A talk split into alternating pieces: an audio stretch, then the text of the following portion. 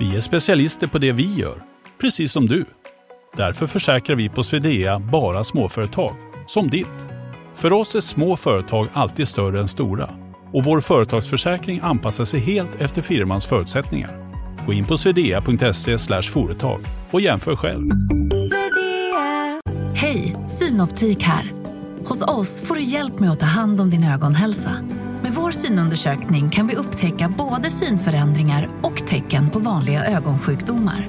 Boka tid på synoptik.se. Du lyssnar på en podcast från Expressen. Ansvarig utgivare är Thomas Mattsson. Fler poddar hittar du på expressen.se podcast och på iTunes. Det här är Expressen Dokument om andra världskriget, del 3, slaget om Storbritannien. Jag heter Patrik Almqvist.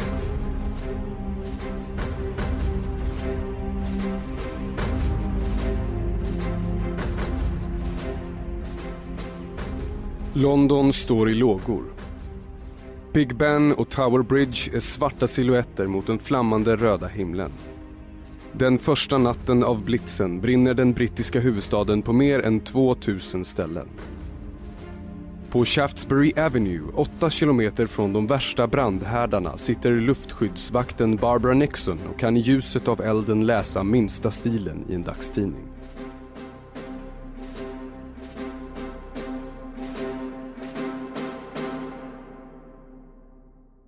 Döden och elden kommer från luften. Tyskarnas mål är att knäcka de uppnosiga britternas försvarsvilja. Flygvapnet ska krossas först. Därefter ska Adolf Hitler sätta igång Operation Sjölejon, invasionen av Storbritannien. En man som ständigt har flugan på sned, cigarren i mungipan och whiskyglaset inom räckhåll har just blivit premiärminister. Winston Churchill heter han. Han blir krigets hjälte. Han eldar britterna till stordåd då Hitlers trupper är redo att ta språnget över Engelska kanalen. Hermann Göring, chefen för Luftwaffe, är segerviss. Fyra dagar, längre ska det inte ta innan hans störtbombare Junkers Ju har krossat britternas flygvapen. Det är löftet han ger till fyren Adolf Hitler. Så fel han får. Augusti 1940, fortfarande sommar. Nätterna är ljumma och dagarna soliga. Det är ondskans tid. Adolf Hitlers rike är nästan hela Europa. Österrike, Tjeckoslovakien, Norge och Danmark, Polen och allra senast Belgien, Nederländerna, Luxemburg och Frankrike. Alla har mosats under den tyska stöven. Storbritannien ska bli nästa offer. Segern över Frankrike har fört Bundeswehr fram till kanalkusten. Genom det varma sommardiset ser tyska soldater Dovers vita klippor från Calais. Fienden är bara 34 kilometer bort. Tyskarna måste behärska luften över Engelska kanalen. Hitlers plan är att förinta britternas stolthet, Royal Air Force, innan han ger startsignal för Operation Sjölejon. Tusentals fartyg med tyska trupper ska skickas över Engelska kanalen och Nordsjön från flottbaser som erövrats i Frankrike, Belgien, Norge och Danmark. Till havs är båtarna skyddslösa. Därför måste Royal Air Force bombas bort. Datum för Sjölejon är redan satt. Den 15 augusti 1940. Vi backar några veckor, till den 10 maj 1940. Tyskarna öser död och förintelse över Belgien och Nederländerna och marscherar för att sätta hakorsflaggan på Eiffeltornet.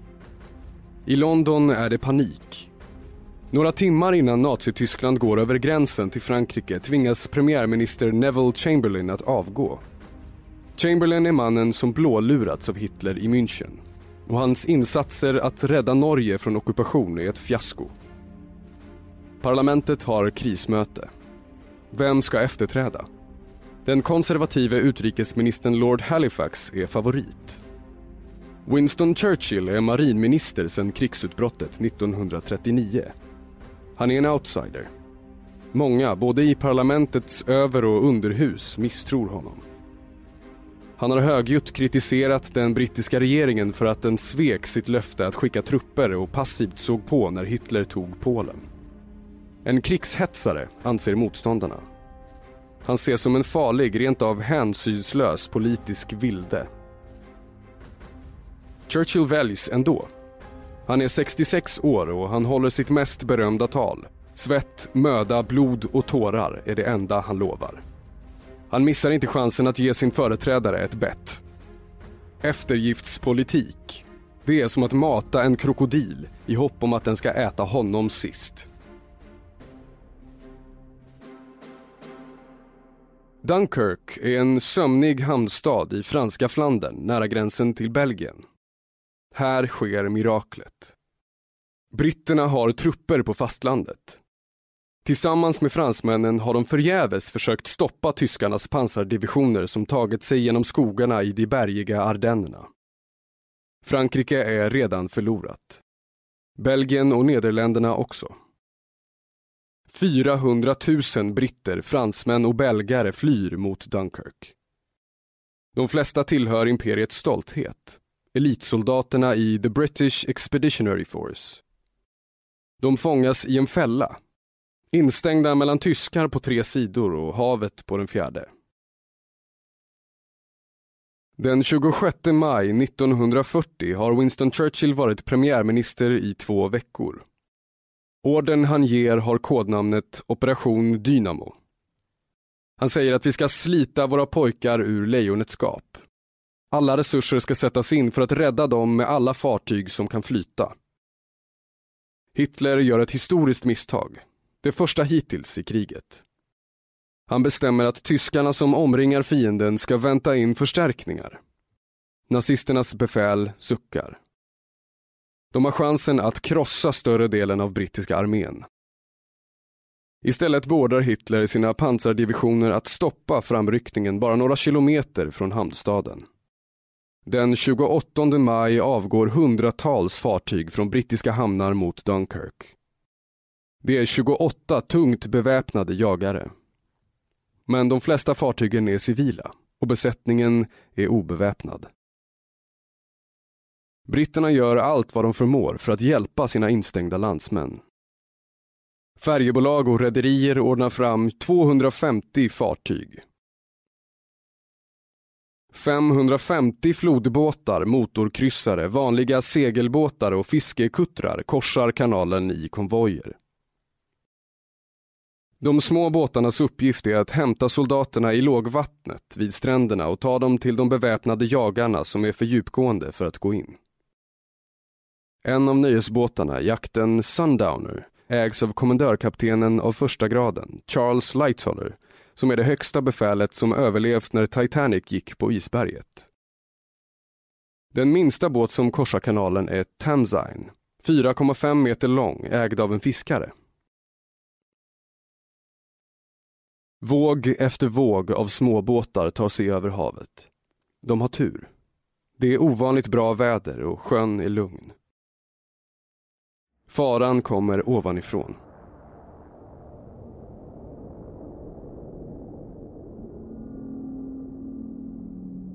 Luften över Dunkirk är full av Stuka-plan som fäller bomber mot jagarna och ättiga Messerschmitts som lågsniffar över de obeväpnade småbåtarna och spyr död. Tyska soldater öser pansargranater över stränderna. De detonerar i sanden och sprider glödgat metallsplitter över de allierade som inte har någonstans att söka skydd. Britterna har tänt på oljeraffinaderier i hamnen och stora svarta rökmoln försämrar sikten för Luftwaffes plan. I vattenbrynet flyter de döda. I den vita sanden ligger sårade och ropar förgäves efter hjälp som ingen har tid att ge. Alla vill rädda sig själva. Männen får order att vada ut tre och tre i bredd i det tolvgradiga vattnet. I timmar huttrar de i kylan i väntan på roddbåtar eller segelbåtar som kan ta dem i säkerhet. Stranden är ett inferno av död och blod. Löjtnant James Ellisman får order att föra sin platon på 40 man till evakueringszonen den tredje dagen. Efteråt skriver han i sin dagbok. När vi kom fram till stranden kände jag ingen lättnad, bara skräck. Planen fällde bomb efter bomb. Vi kröp ihop i sanddynerna.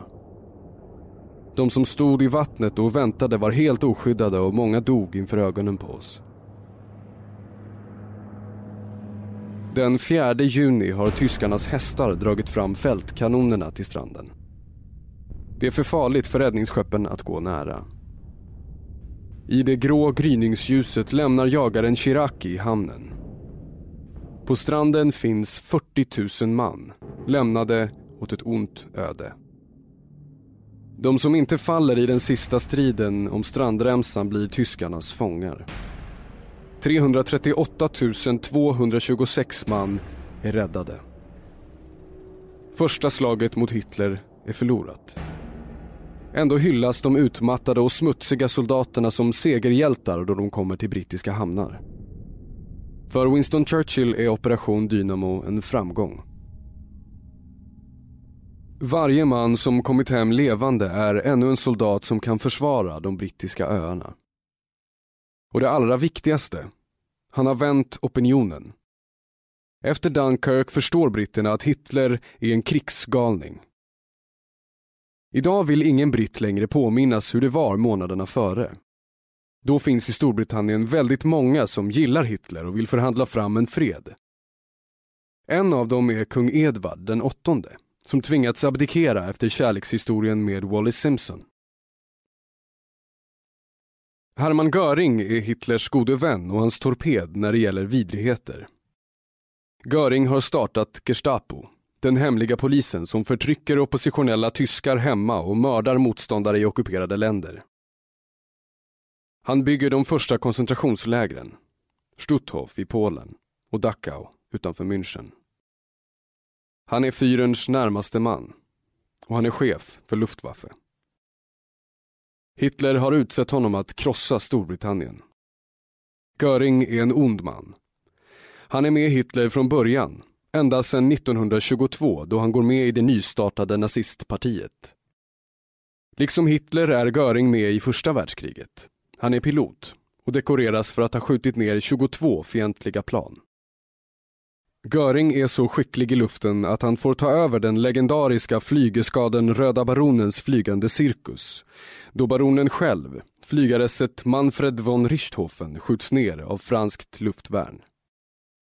Ni som gillar serien Snobben vet alla gånger vem Röda Baronen var. Göring flög tyskarnas mest fruktade plan. Det rödmålade Fokker DR-1 med tre vingar. Flygkarriären avslutas 1916 då hans plan skjuts ner och Göring räddar sig i fallskärm. 1919 kommer han till Sverige och försörjer sig som pilot. Bland annat sitter han vid spakarna när luftbolaget Svensk Lufttrafik startar flygpostrutten mellan Sverige och England med en Junkers F13. Göring möter sitt livs kärlek här. Han knäcker extra som taxiflygare och en stormig vinterkväll 1922 flyger han greve Erik von Rosen till dennes slott Rockelsta utanför Flen. Grevens svägerska Karin Kantsov är på besök. Hon är gift och har barn och det blir stor skandal i Stockholms blåblodiga societet då Karin lämnar sin familj för den tyske krigshjälten. Göring är 29 år, Karin är 34 år. 1923 deltar han i Hitlers försök att göra statskupp i Bürgenbräukeller i München. Han skadas i eldstriden, lyckas undkomma och tar sig till Österrike. Göring är efterlyst i Tyskland, hotas av fängelsestraff. Han flyr till Sverige. Göring har problem. Skottet i ljumsken under ölhalskuppen och skadorna från flygplanskraschen orsakar svåra smärtor. Han blir beroende av morfin. Hans tvångsinskrivs först på Aspuddens sjukhus och senare på mentalsjukhuset i Långbro. Göring är en besvärlig patient. Han har en promenadkäpp med inbyggd stilett och hotar sköterskorna med kniven för att få narkotika. En gång bryter han upp medicinskåpet och stjäl sprutor. Journalen från Långbro finns kvar. Där skrev överläkaren. Hysterisk läggning, vigt sitt liv åt kamp mot judar, har smugglat in en järnklump som vapen. Några år senare är den mannen en av världens mäktigaste och bestämmer över miljontals människors liv och död. Mest över död. Då Göring släpps från Långbro återvänder han till Tyskland. Hitler är på marsch. Göring blir riksdagsman för nazisterna 1928. Han har gift sig med Karin och hon deltar entusiastiskt i mannens politiska liv. Hon dyrkar Hitler och fyren kallar henne partiets vackra maskot. Karin Göring dör 1931, bara 42 år gammal. Hon blir en kultfigur för nazisterna. Ett kvinnoförbund uppkallat efter henne har hundratusentals medlemmar. Göring bygger ett mausoleum över hustrun i sitt jaktresidens Karinhall i Brandenburg. Den tungt överviktige toppnazisten med den brinnande blicken fortsätter att ha nära kontakt med Sverige. Det fanns gott om svenska nazister på den tiden. Inte minst i överklassen och bland officerarna. I takt med att Hitlers makt växer och Göring stiger i graderna blir svenskarnas svassande och fjäskande intensivare. Gustav den femte och hans sonson, arvprinsen Gustav Adolf, pappa till vår kung, hälsar på Göring i Berlin. Arvprinsen har på sig sin finaste uniform. 1938 utnämns Göring till hedersledamot av Svenska jägareförbundet och han får till och med en kunglig orden. Svärdsorden med kedja. Ett riddartecken som förr delades ut till officerare som utmärkt sig. Det sker 1939, samma år som nazisterna börjar våldtäkten på Europa. Då vår kungs pappa gifte sig med prinsessan Sibylla, dotter till en av Hitlers mest glödande anhängare, skickar Göring ett grattistelegram. Ert äktenskap bidrar till att stärka vänskapen mellan två germanska broderfolk, skriver han. Nu står kampen mellan Göring och Winston Churchill. Britterna fruktar att tyskarna ska följa upp erövringen av Frankrike med en snabb invasion. Landets försvar är i dåligt skick efter att ha tvingats lämna kvar 20 000 kanoner, 450 stridsvagnar och 76 000 ton ammunition i Dunkirk. Förlusterna i slaget i Frankrike är svåra. Britterna förlorar 944 plan. Därav 386 Hurricanes och 67 Spitfires. Den 20 juli 1940 har Royal Air Force Fighter Command bara 581 operativa jaktplan. Tyskarna är överlägsna i luften. Hermann Göring lovar sin Führer att segern ska bli snabb. Första fasen i slaget om Storbritannien inleds i början av juli då Luftwaffe angriper konvojer på havet och befästningar längs kusten. De försöker locka ut britternas Spitfires över Engelska kanalen för att skjuta ner planen. Tyskarna har ett kodnamn för den 15 augusti 1940. Örnens dag. Då sensommarmörkret börjar falla den dagen startar tyskarnas tre luftflottor från baser i Normandie, Belgien, Danmark och Norge. Den tyska örnen ska slå till från himlen och förstöra britternas flygfält och stridsplan. 2000 plan. Störtbombarna Stuka, Junkers Jo, Heinkel He med bombpackningen som kallades dödsbädden under buken. Lätt manövrerade. Och Messerschmitts med två kanoner och två kulsprutor. Helvetet bryter loss.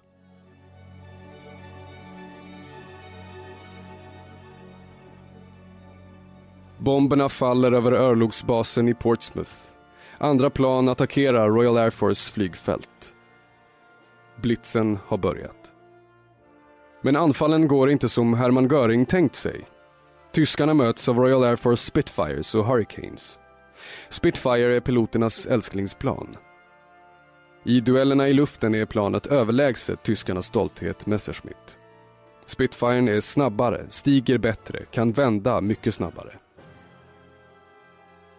Bomberna åstadkom mycket förödelse men Royal Air Force visar sig modigare och skickligare än vad Luftwaffechefen trott. Den natten skjuter Royal Air Force ner 47 tyska plan och förlorar själva 13.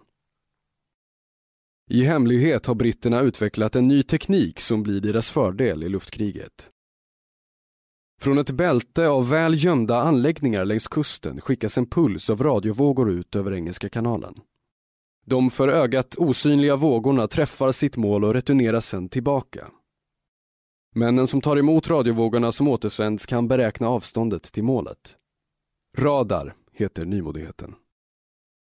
De 30 radarstationerna skickar informationen till Fighter Commands högkvarter. Stridsledningen ger order till jakteskadorna att gå upp. Tyskarna är väntade och britterna vet exakt var de befinner sig och vilken kurs fiendens plan håller. Göring har inte räknat med det. Visst känner tyskarna till radar, men först nu förstår de hur viktig den är. Nazisterna gör en andra räd två nätter senare. 1790 jakt och bombplan sätts in. Det blir det andra fiaskot för Luftwaffe, som kallar attacken för Svarta torsdagen. De tyska förbanden ur femte flygarmén som sänds från Skandinavien förlorar vart femte plan över brittiska öarna. Natten till den 24 augusti bombas London för första gången. Det beror på ett misstag.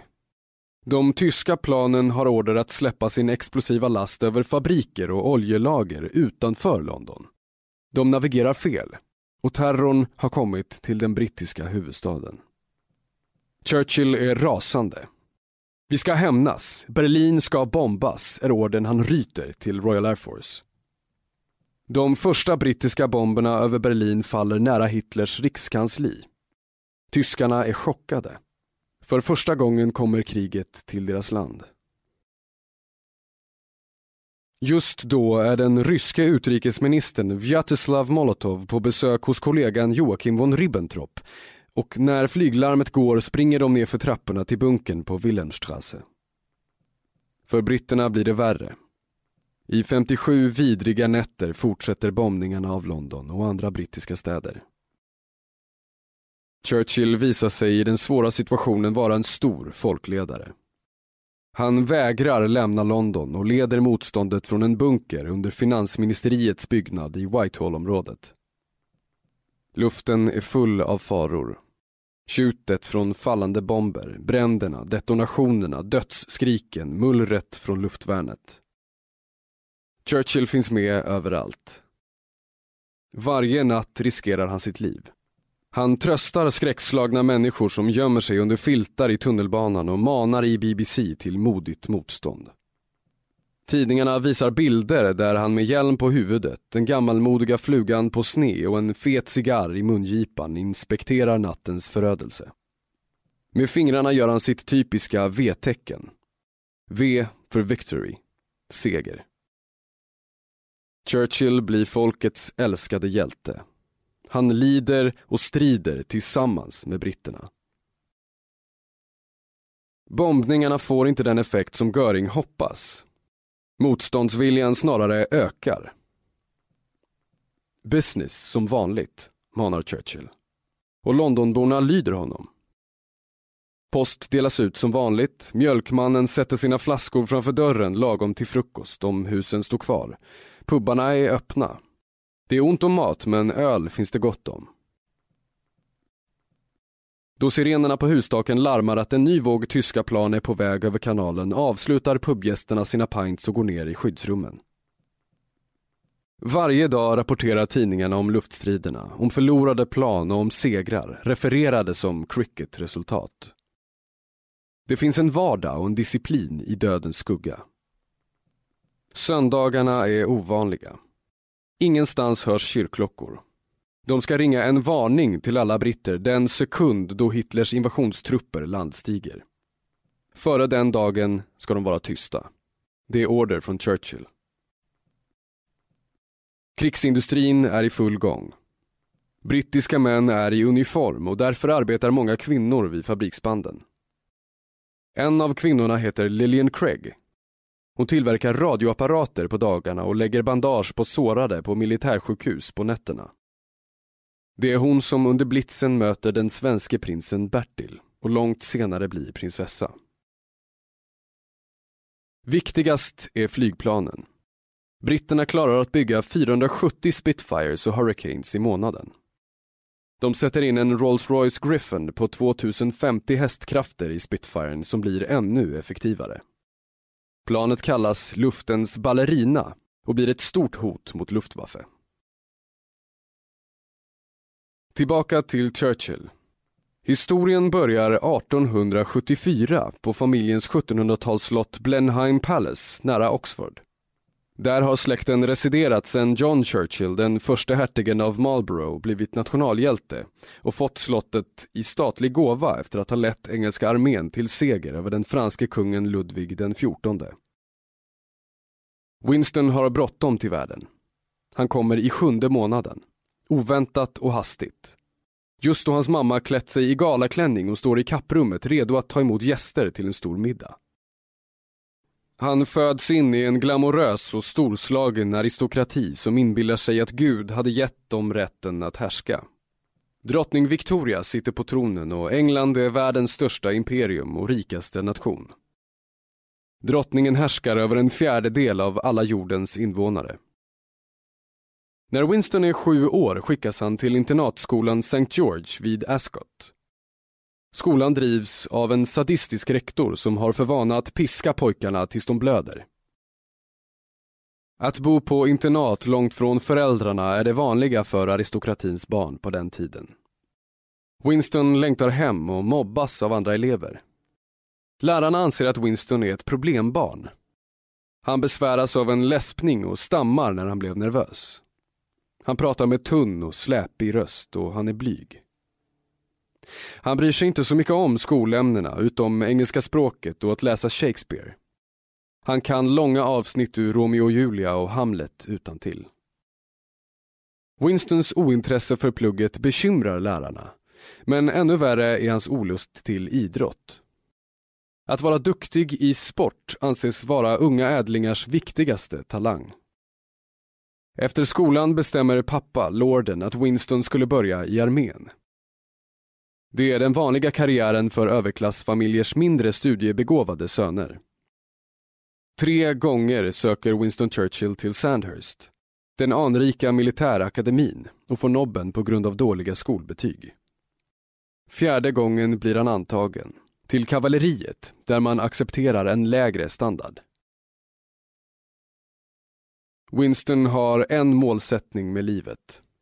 Han vill bli militär. Helst stor hjälte, som idolen Napoleon. Ironiskt nog har även Adolf Hitler den franska militären och kejsaren som förebild. Winston är 21 när han går ut som officer. Nu vill Winston ut i kriget. Problemet är att det året, 1865, är det ovanligt fredligt i imperiet. Enda oroshärden är på Kuba, där de härskande spanjorerna med britternas hjälp krigar mot rebeller på ön. Winston skriver hem till mamma att han är besviken på Kuba. Han får aldrig slåss. Senare posteras Churchill i Sudan. Den brittisk-egyptiska armén slåss mot upprorsmän, dervischerna och nu är det allvar. Med sabeln i ena handen och Mauserpistolen i andra rider Winston Churchill i många kavalleriattacker mot fienden. Det är blod och död och krig på fullt allvar. Där dödar han motståndare för första gången. Ett krigsäventyr till blir det. Brittiska äventyrare har lockats av guld och diamantgruvorna vid Johannesburg i Sydafrika. Boerna Ättlingar till nederländska immigranter gör uppror mot britternas kontroll av kolonin. Boerkriget, blodigt och skoningslöst, är i full gång. Churchill ordnar ett jobb som krigskorrespondent för Morning Post och reser dit. När han åker med brittiska trupper genom fiendeområde i ett pansartåg blir han tillfångatagen. Churchill förs till Pretoria och sätts i fångläger. Där tillbringar han sin 25-årsdag. En natt lyckas han ta sig över muren. Efter en livsfarlig flykt instuvad i en säck på ett godståg kommer han till portugisiska Östafrika, nuvarande Mosambik. Till Morning Post skickar han dramatiska rapporter. Churchill blev nationalhjälte. Nu har han uppnått det slags berömmelse han behöver för att satsa på en ny karriär. Sabeln byts mot pennan. I fortsättningen ägnar sig Winston Churchill åt att skriva och, inspirerad av sin far, åt politik. En av hans första strider blir mot suffragetterna, kvinnorörelsen som kräver rösträtt och jämställdhet. Winston Churchill röstar emot kvinnornas krav med motiveringen det finns tillräckligt med okunniga väljare i det här landet ändå. Redan då är Churchill en stor konsument av alkohol. En flaska whisky om dagen slinker gärna ner. Dåvarande amerikanske ambassadören i London, Joseph Kennedy, pappa till John F Kennedy som långt senare gör Churchill till amerikansk hedersmedborgare, varnar Vita huset. Mannen är en dubbeldrinkare. Han tar alltid två glas när andra sippar på ett och det gör hans politiska beslut opolitliga. Champagne är Churchills andra last. Den ska vara torr, dyr och gratis. Än idag säljs hans favoritskumpa som producenten Paul Roger kallar QV Sir Winston Churchill. En Magnumflaska kostar 2258 kronor på Systembolaget. Churchill själv bryr sig inte om kritiken över hans spritvanor. Jag har fått mer ut av alkohol än vad alkoholen har fått ut av mig, sa han. Den 7 september 1940 står Hermann Göring på klipporna vid Pas de Calais vid kanalkusten. Han har just ätit picknick med sin stab på Cap Griné. Genom kikaren ser han den brittiska kusten och röken från brandbomberna som fällts över Kent. Våg efter våg med bombare och attackplan flyger över huvudet på Luftwaffechefen. Det är en av de första flygräderna i dagsljus. London är målet. Göring vill förvandla staden till en grushög. Han tror att den massiva attacken ska leda till sammanbrott för den civila administrationen och sätta skräck i befolkningen så att kapitulation blir oundviklig. Göring har fått rapporter från Luftwaffes underrättelsetjänst att Royal Air Force inte har många plan kvar. De sista brittiska jaktplanen ska förgöras i den sista luftstriden. Rapporten är felaktig. Det får tyskarna dyrt erfara. I luften finns två modiga som kommer att bli luftkrigets stora hjältar. Royal Air Force plan flygs inte bara av britter. Polackerna har 8000 man med. Flygare och tekniker som flytt efter Hitlers ockupation. De är de enda i Royal Air Force som har krigserfarenhet då slaget om Storbritannien börjar.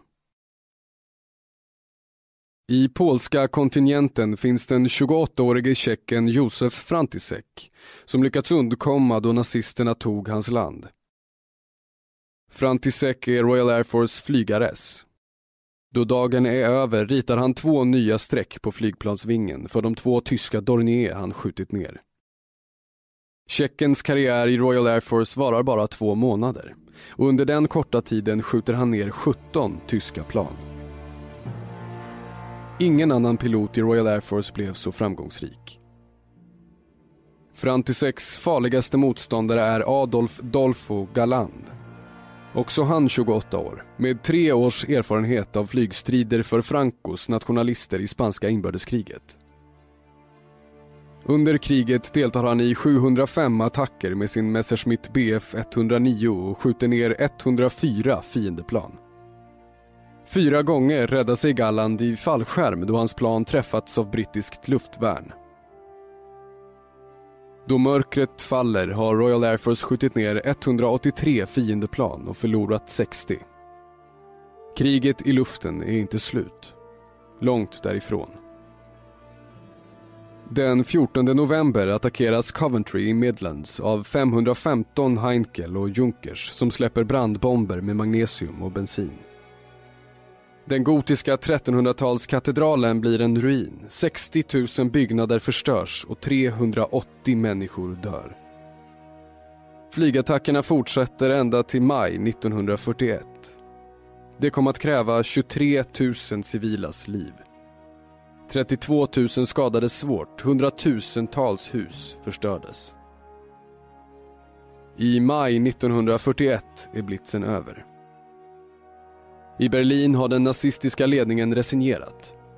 Inte ens bomboffensiven kan få Storbritannien på knä. Hitler har andra planer. Han gör sig redo för operation Barbarossa. Sovjetunionen ska invaderas. Men fyren glömmer inte Churchill och de uppnosiga britterna. Han har en ny taktik. Fienden ska svältas ut. De brittiska öarna ska isoleras genom ett ubåtskrig. Du har lyssnat på Expressen Dokument om andra världskriget, del 3.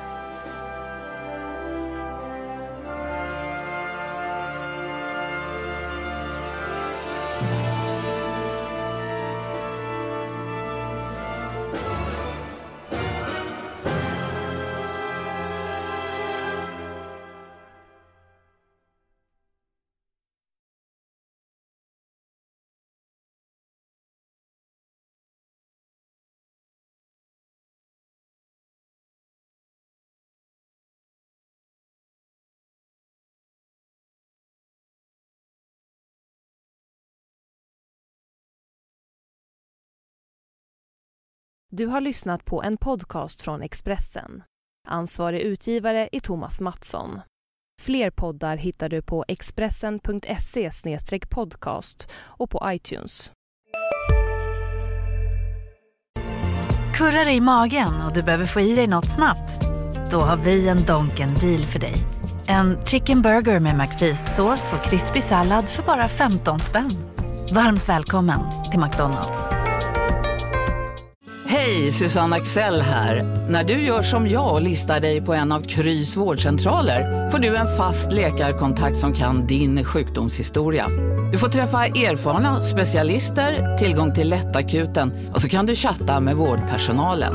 Så gör ditt viktigaste val idag, lista dig hos Kry.